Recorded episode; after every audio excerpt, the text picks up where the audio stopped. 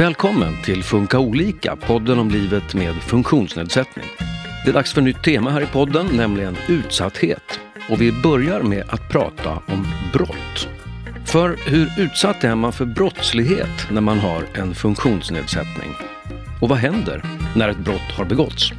Dagens gäster har stor vana att stötta brottsoffer och delar med sig av sina erfarenheter hur man ska agera om man själv eller någon anhörig blir utsatt.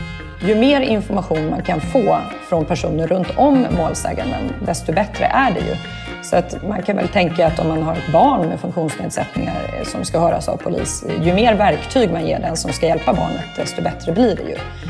Vi brukar ju alltid ha som, vad ska jag säga, mål och målsättning att man på sikt eh, polisanmäler eftersom man vet att när man har gjort det då, då är det lättare att kunna gå vidare sen. Även om den här polisanmälan sen allting skulle läggas ner så känner man ändå att jag gjorde vad jag kunde och det brukar vara mycket lättare att kunna gå vidare i livet sen. Idag ska vi prata om brott mot personer med funktionsnedsättning. Vi börjar lite med hur problembilden ser ut.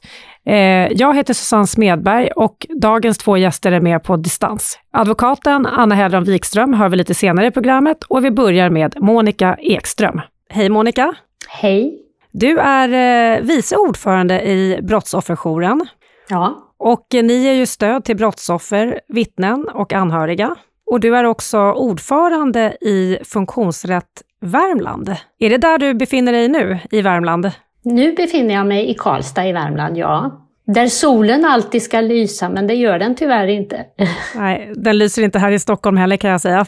Vet du något om hur vanligt det är att personer med funktionsnedsättning utsätts för brott? Eh, tyvärr, ja det är ganska vanligt, det är det, men tyvärr så om man ska titta på statistik och så, så är det väldigt dåligt. Det är dåligt med dokumentation och det är också ett delvis outforskat område, tyvärr. Varför finns det ingen dokumentation då? Ja, det är väl därför att man inte ställer kanske frågan eh, så tydligt till personer om de har en funktionsnedsättning. Det är så att eh, Brottsofferjouren då, vi omfattas ju av det som många andra gör, också GDPR. Och det gör ju att vi inte får dokumentera eh, om personers hälsotillstånd. Men det händer ju ändå ibland att personer som söker stöd och hjälp hos oss eh, uttryckligen säger att jag vill att ni ska tänka på att jag har den här eh, funktionsnedsättningen. Eh, och då får vi försöka hålla det i minnet eh, och utifrån det ge det stöd som finns. Och sen är det också så att polis eh, och rättsväsendet överhuvudtaget ju inte har som rutin att ställa sådana frågor. Och det är ju också så att funktionsnedsättning då inte så tydligt omfattas utav det som då kallas för hatbrott. Hur vet man att det är vanligt då? Är det något som du har märkt av under dina år? Ja, alltså vi har ju personer som söker stöd och hjälp hos oss som har funktionsnedsättningar, så är det ju. Och det finns ju trots allt en del forskning att eh, titta på också, fast den är ju trots allt ganska gammal kan man säga. Skulle du säga att eh, personer med funktionsnedsättning löper större risk att utsättas för brott? Ja, vi brukar ju prata om inom Brottsofferjouren om särskilt sårbara grupper och dit hör ju då funktions nedsatta personer, eh, barn också och äldre och en del andra. Men eh, så är det ju faktiskt att just utifrån att man har en funktionsnedsättning kan då utgöra en utökad risk. Ja. Och varför är det så?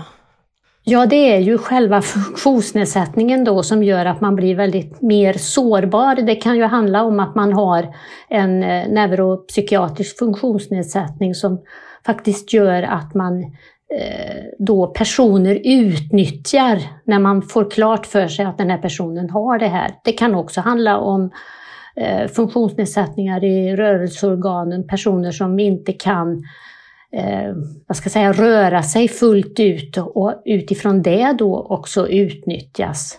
Vilka brott kan det handla om när det rör personer med funktionsnedsättning? Ja, det, i princip så handlar det ju om alla and, eh, brott som alla andra också blir utsatta eh, för. Men när det gäller kvinnor så är det ju framförallt kanske sexualbrott som är det vanligaste. Men det handlar ju också om att man blir utsatt för bedrägerier, rån, utifrån att man är så beroende av andra personer för att man ska kunna leva ett så eh, fullgott liv som möjligt. Ser brotten olika ut eh, enligt din erfarenhet beroende på vad personen har för funktionsnedsättning? Det kan ju vara så att man Alltså att det kan bli grövre på något sätt utifrån att man inte själv kan heller värja sig på något sätt. Det kan ju vara att man inte kan skrika, man kan inte eh, slå med och fäkta med armar. Och det är ju det som då gör att man också blir särskilt sårbar och man, de som förövarna på något sätt utnyttjar den här funktionsnedsättningen på ett väldigt hemskt, skulle jag vilja säga, sätt. Du var inne lite grann på det här med att det skiljer sig mellan eh, kvinnor och män. Om man tänker brott mot män då, vad kan det vara för typ av brott? Ja, det kan ju också vara sexualbrott. Män blir ju också utsatta för det, så är det absolut. Men det handlar ju också väldigt mycket om misshandel, eh, annan misshandel. Eh, det kan handla om rån, så i princip så skulle jag vilja säga att de brott som alla andra utsätts för, de utsätts också personer med funktionsnedsättning för. Men det blir väldigt mycket grövre utifrån att man då har den här extra sårbarheten och utsattheten. Och var sker brotten? Hemmet, en arena förstås. Eh, Ja, absolut. Och de sker ju i princip på samma ställen som alla andra brott sker. Men det är ju kanske mer vanligt här då att det kan ske eh, hemmavid eftersom man då är, har andra. Det kan ske på boenden inte minst. Eh, det kan ske många som åker färdtjänst och som blir utnyttjade utav eh, chaufförerna.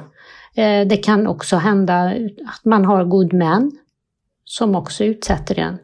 Så, men i princip så sker det ju kanske på samma platser som alla andra brott begås, men mer kanske vanligt eh, i, inom fyra väggar.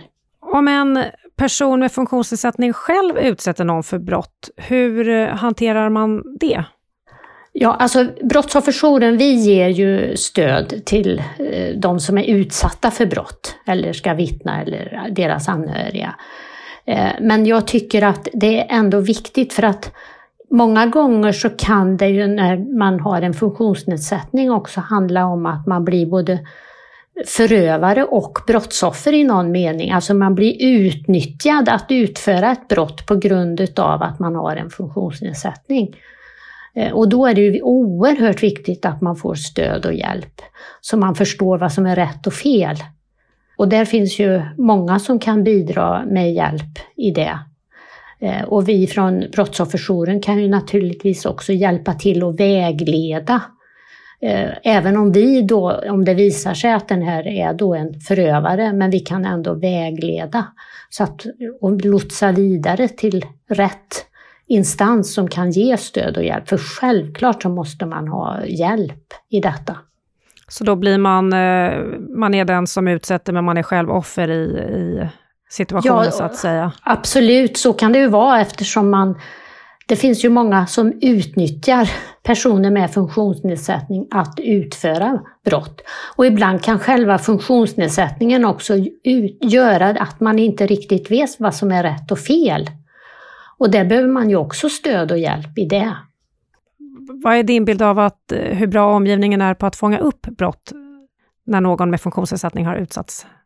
Ja, det ser nog väldigt olika ut skulle jag vilja säga. Och det är ju just det här som vi, jag inledningsvis sa, att dokumentationen och forskningen är ju väldigt eftersatt inom det här området och det beror väl säkert på att man inte, man ställer inte frågor till personer, har du en funktionsnedsättning? Eh, för många gånger har ju utgången utav både stödet och hela rättsprocessen har ju väldigt stor betydelse om man har kunskap om att den här personen har just den här funktionsnedsättningen. i det stöd man då ger. För det är väldigt avhängigt av, har man till exempel en neuropsykiatrisk funktionsnedsättning så är det oerhört viktigt att man i hela rättsprocessen tar hänsyn till det för att utgången ska bli så bra som möjligt. Är det några tecken man kan vara observant på, till exempel i närmiljön? Ja, absolut. Det handlar ju om personer som börjar kanske bete sig, uppträda på ett annorlunda sätt än vad de brukar göra. Man kanske drar sig undan, man blir mera tyst. Och sen är det ju naturligtvis också om man ser att personen har fysiska skador, alltså blåmärken eh, eh, eller vad det nu är för någonting. Va? Då ska man ju naturligtvis eh, reagera och agera. Men framför allt det här, och då tänker jag särskilt kanske på de eh, eh personer som bor på boenden, särskilda boenden utav olika slag att personalen där är väldigt observant om personer börjar bete sig på ett annat sätt än vad man brukar göra. Och om man eh, misstänker att någon har varit utsatt, vad gör man då? Då pratar man ju naturligtvis med personen och också ser till att den här personen får stöd i det här och sen hjälper till med att polisanmäla exempelvis. Och här finns ju då Brottsofferjouren och vi kan ju vara det här stödet under hela rättsprocessen. Och det är viktigt att veta att man behöver faktiskt inte ha polisanmält när man söker stöd och hjälp hos oss, utan det kan ju vara något som vi hjälper till med. Är det några tillfällen som eh, det kan vara bättre att inte anmäla ett brott för att då skydda personen som har varit utsatt?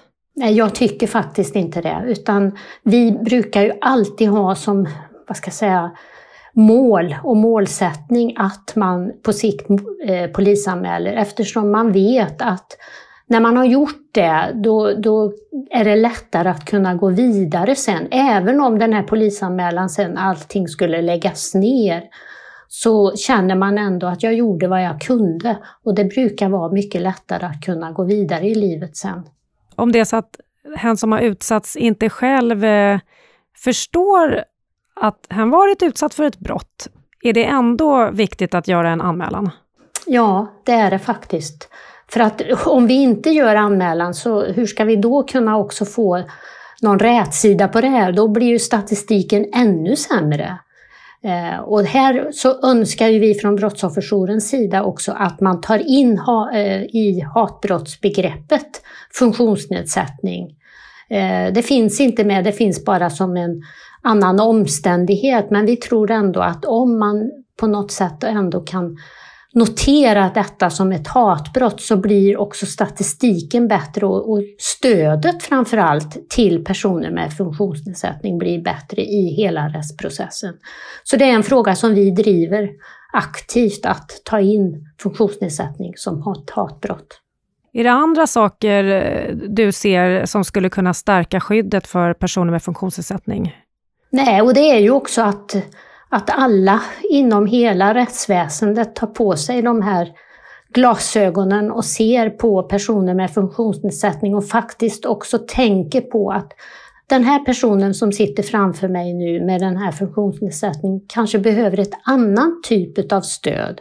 När han tänker på hur man ställer sina frågor och så eh, och förklarar mycket bättre så blir rättsprocessen också bättre utgången av alltihop blir säkrare och tryggare för alla inblandade. Inte minst för både polisen själva och hela, alltså domare och allt vad det är, advokater.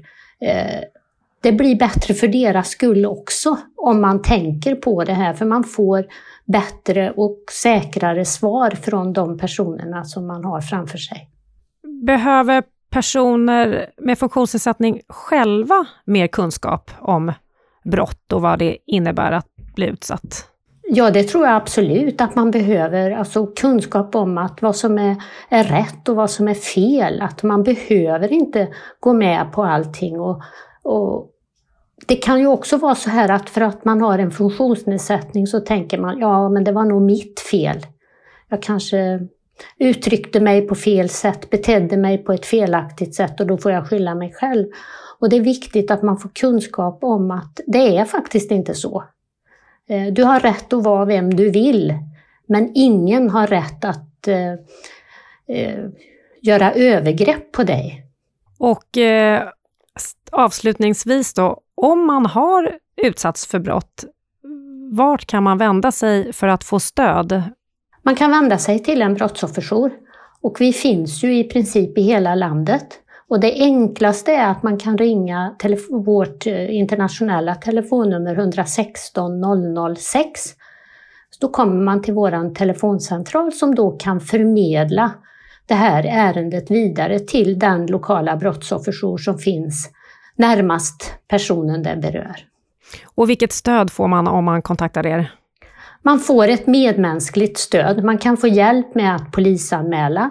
Eh, man får hjälp i hela rättsprocessen. Om det sen går till, till domstol så finns vi med hela vägen där också. Eh, och vi finns också med efter att det här har varit uppe i domstol och avgjorts. Oavsett hur utgången blir så finns vi där som ett medmänskligt stöd och vi kan också hjälpa till med att söka brottsskadeersättning om det är aktuellt. Stort tack Monica Ekström, vice ordförande i Brottsofferjouren. Tack så mycket. Vad händer då efter att ett brott har begåtts? Hur ser processen ut och vad är viktigt att tänka på om brottsoffret har funktionsnedsättning? Över till dagens andra gäst, Anna Hellron Wikström, advokat med stor erfarenhet av att företräda personer med funktionsnedsättning. Hej Anna! Hej! Vilka typer av brottsmål är det du företräder? Jag företräder både vuxna, ungdomar och barn som har blivit utsatta för brott och i de eh, fall där brottet är särskilt allvarligt eller är brott i nära relation så får man rätt till målsägande beträde eller särskild företrädare. Så det är våldsbrott, sexualbrott, kan också vara rån, eh, men eh, ofta brott i nära relationer också. Och vad innebär det då med särskilt företrädare? Eh, Målsägandebiträde är en roll som man har både för vuxna och barn när en person har blivit utsatt för brott. Då företräder man brottsoffret. Om det är så att man kan misstänka att det är någon nära anhörig som har utsatt ett barn för brott så eh, förordnas man istället särskild företrädare. Så att det är bara en annan roll och lite andra regler som gäller då. Och när ett brott har anmälts, vad är det som, första som händer då? Precis, när en anmälan upprättas så eh, det nästa som ska hända är att det hålls ett förhör med målsäganden, alltså den som har blivit utsatt för brottet. Och då eh, har man rätt att kräva, i de fall det är relevant, då kommer polisen berätta om att man har rätt att kräva ett målsägandebiträde eller få, få stöd och hjälp av ett målsägandebiträde. Då förordnas jag av domstolen och eh, träffar då den personen som har blivit utsatt för brott för ett första möte och går igenom vad det är som har hänt och förbereder polisförhöret. Så det är liksom det första steget efter anmälan. Eh, ber man om ett målsägande beträde själv eller får alla det? Nej, polisen informerar om eh, att man har rätt till målsägande beträde i vissa typer av brott. Eh, och då eh, får man frågan om man skulle vilja ha stöd och hjälp av ett målsägande beträde. Men känner man till det själv så kan man ju också lyfta frågan själv som den som har blivit utsatt för brott. Är det en bra idé att ha det? Det är en väldigt bra idé att ha det, för det innebär ju att man får stöd och hjälp eh, från någon som är väl insatt i den här processen och hur det går till och sådär. Och då är man ju med under hela processen, under alla polisförhör och läkarundersökningar om det är aktuellt och också i en kommande rättegång. Så det är ett väldigt viktigt stöd skulle jag säga. Det är också så att den som är misstänkt för brottet har ju ofta en försvarare, så det finns ju en advokat på andra sidan också. Och när någon då kontaktar dig, var börjar ditt arbete? Mitt arbete, beroende på då om det är en vuxen eller barn som jag företräder, börjar med att jag vill träffa den personen och eh, ha ett första möte och ta reda på mer förutsättningarna. Vad är det som har hänt? Hur jag kan hjälpa till, informera om processen, eh, hur en förundersökning går till. Eh, så jag lämnar mycket information, men jag ställer också frågor såklart. Och sen så har vi ett samtal och då försöker jag ta reda på mer inför det kommande för, eh, polisförhöret så att målsäganden är så väl förberedd som möjligt på vad som ska hända. Och eh, i det fall då den person du företräder har en funktionsnedsättning, hur eh, ser ditt arbete ut då? Eller vad är viktigt att tänka på då? Ja, då är det lite olika om det är så att jag till exempel är särskild företrädare för ett barn och får reda på att barnet har funktionsnedsättningar. Då har jag ju kontakter med personer kring barnet, alltså inte föräldrarna utan andra personer. Det kan vara skola, det kan vara personal, det kan vara en resurs och så. Och då går ju mitt jobb väldigt mycket ut på att försöka ta reda på vad behöver just det här barnet med de här förutsättningarna för att det ska kunna bli så bra som möjligt att gå igenom den här rättsprocessen. Är det så att man har någon särskild resurs? Eh, är det så att man har vissa utmaningar som vi behöver känna till inför ett kommande polisförhör?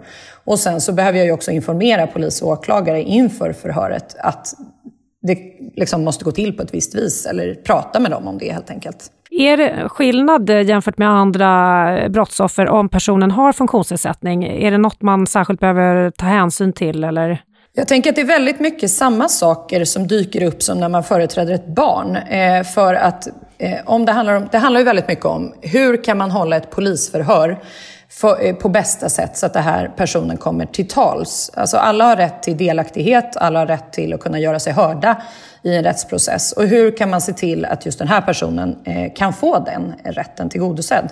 Så att när man företräder barn så är det utmaningar i att barn har bristande erfarenheter, bristande språk, eh, det kan finnas eh, svårigheter att koncentrera sig längre perioder och så. Så att väldigt många av de sakerna dyker upp, eh, liknande saker dyker upp.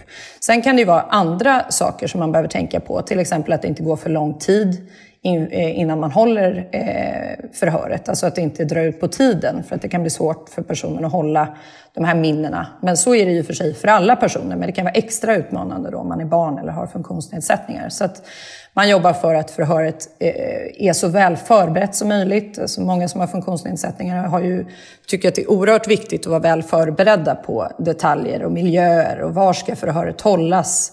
Eh, hur blir det bäst för just eh, det här barnet eller den här personen?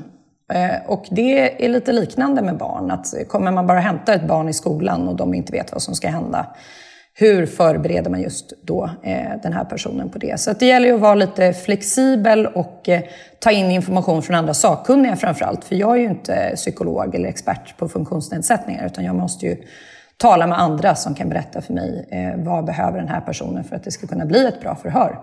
Och sen måste jag stå på mig genom rättskedjan liksom, och, och ställa de krav som behövs. Enligt din erfarenhet, hur eh, stor vana har polisen av att eh, förhöra personer med funktionsnedsättning?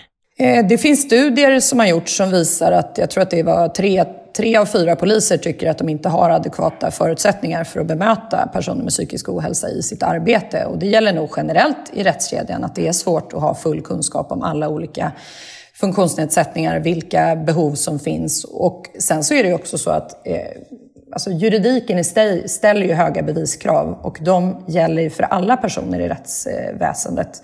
Så att när man ska liksom lämna en berättelse så är det viktigt att den ska vara sammanhängande och den ska vara trovärdig och tillförlitlig och allt det här.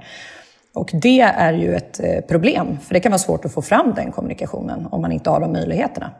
Vad händer då om man inte kan få fram den? Finns det några andra sätt att, att, att göra det på så att det ändå går att använda i rätten sen?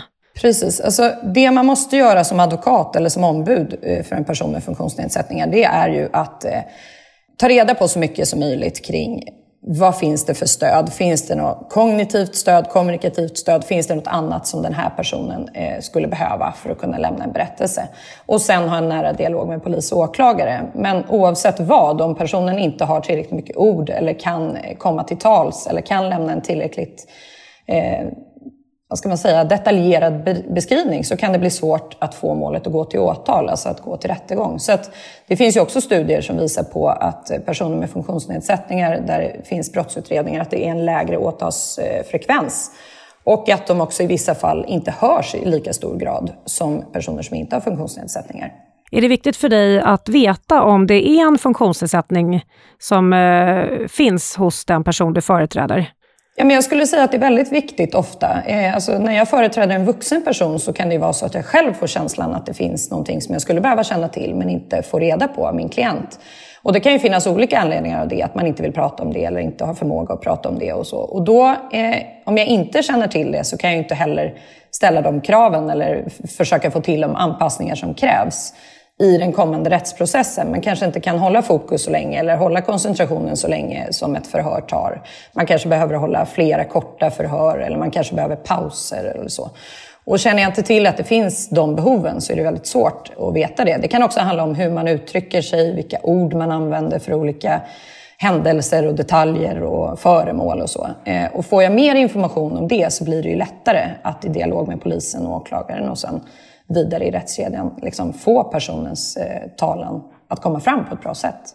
Jag tänker, är det här någonting som personerna själv förstår? Alltså berättar de eh, exempelvis att de har en funktionsnedsättning eller är det något som du behöver försöka ta reda på själv? Ibland och ibland inte. Alltså ibland så får jag ett förordnande till exempel som särskild företrädare för ett barn eh, och då får jag ofta mer information. Eh, då får jag information om när jag pratar med skola eller när jag pratar med personer runt om barnet eh, som gör att det blir lättare nästan att eh, liksom, ta den hjälp som behövs. Men när jag träffar en vuxen person så är det inte alltid så att den personen berättar det själv. Det är min erfarenhet. Om man tänker lite omvänt då i, i brottsmål, finns det en tendens att man kan liksom ta i beaktande att brottsoffret har funktionsnedsättning, att det liksom eh, Eh, väger tyngre i domen, alltså till brottsoffrets fördel? Ja, alltså när man ska eh, titta på en utsaga som det kallas, alltså när man ska bedöma till exempel ett sexualbrott så handlar det väldigt mycket om att målsäganden måste lämna en väldigt stark berättelse eller beskrivning. För ganska ofta så saknas det ju Eh, bevisning i form av att någon har sett vad som har hänt eller så. Sen kan det, kan det ju finnas annan stödbevisning runt om som stödjer det som målsäganden säger. Men målsägandens berättelse är ju på något vis eh, grunden till det mesta. Och där finns det krav på att man ska bevisa bortom rimligt tvivel att exakt det här har hänt. Vad är det som har hänt? Var och när och hur gick det till och vad är det som har hänt? Och är det så då att målsäganden saknar eh, förmåga att, att säga vad det är som har hänt helt enkelt, eller att uttrycka på olika sätt vad det är som har hänt, så leder ju det i många fall till att det kan bli svårt att väcka åtal. För åklagaren kan inte bevisa utom rimligt tvivel att exakt det här har hänt. För vi vet inte vad det är som har hänt eh, när vi har hört målsäganden. Så det handlar ju mycket om vad det finns för stödbevisning runt om eh, och hur man ser på den berättelsen som målsäganden lämnar. Är det här en, kan det här vara en trovärdig, tillförlitlig berättelse ändå baserat på just den här personens unika egenskaper? Och då får man ju lämna in kanske annan bevisning kring det eller höra en person kring det eller så. Alltså då får man ju stötta upp med annan bevisning som gör att man, att man får mer stöd för det som målsäganden säger helt enkelt. Hur kan man liksom göra för att det ska bli ett bättre eh, rättsskydd eller att eh, processen i rättegång ska bli så bra som möjligt för personer med funktionsnedsättning? Det är en svår fråga. Jag tror att man måste eh, börja med att öka kunskapen. Jag tror att det finns mycket okunskap och man kan väl börja med att liksom, samarbetet mellan oss ombud, alltså mig som advokat, polis och åklagare, dialogen med domstolen, att det måste finnas en förståelse för att om jag säger att min klient behöver det här och det här på grund av de här förutsättningarna, så måste det finnas en liksom förståelse i hela rättskedjan. Och det är ingen enkel sak, utan det är väl, man får väl, liksom, hur kan man eh, utveckla sådana redskap eller en sån dialog? Eh, det, det, är en jättesvår fråga. Jag har inget eh, bra svar på den. Men det handlar väl om att i vart fall som ombud våga vara obekväm, eh, våga ställa krav, eh, vara flexibel, eh, kunna tänka sig åka någonstans och, och, möta upp på de förutsättningar som finns. Liksom. Så att det tror jag är en väldigt bra start om man har ett ombud som liksom vågar stå på sig under processen och hjälpa till med det som man kanske kan få hjälp om. Sen så skulle det ju öka eh, liksom, ju mer information man kan få från personer runt om målsäganden, desto bättre är det ju.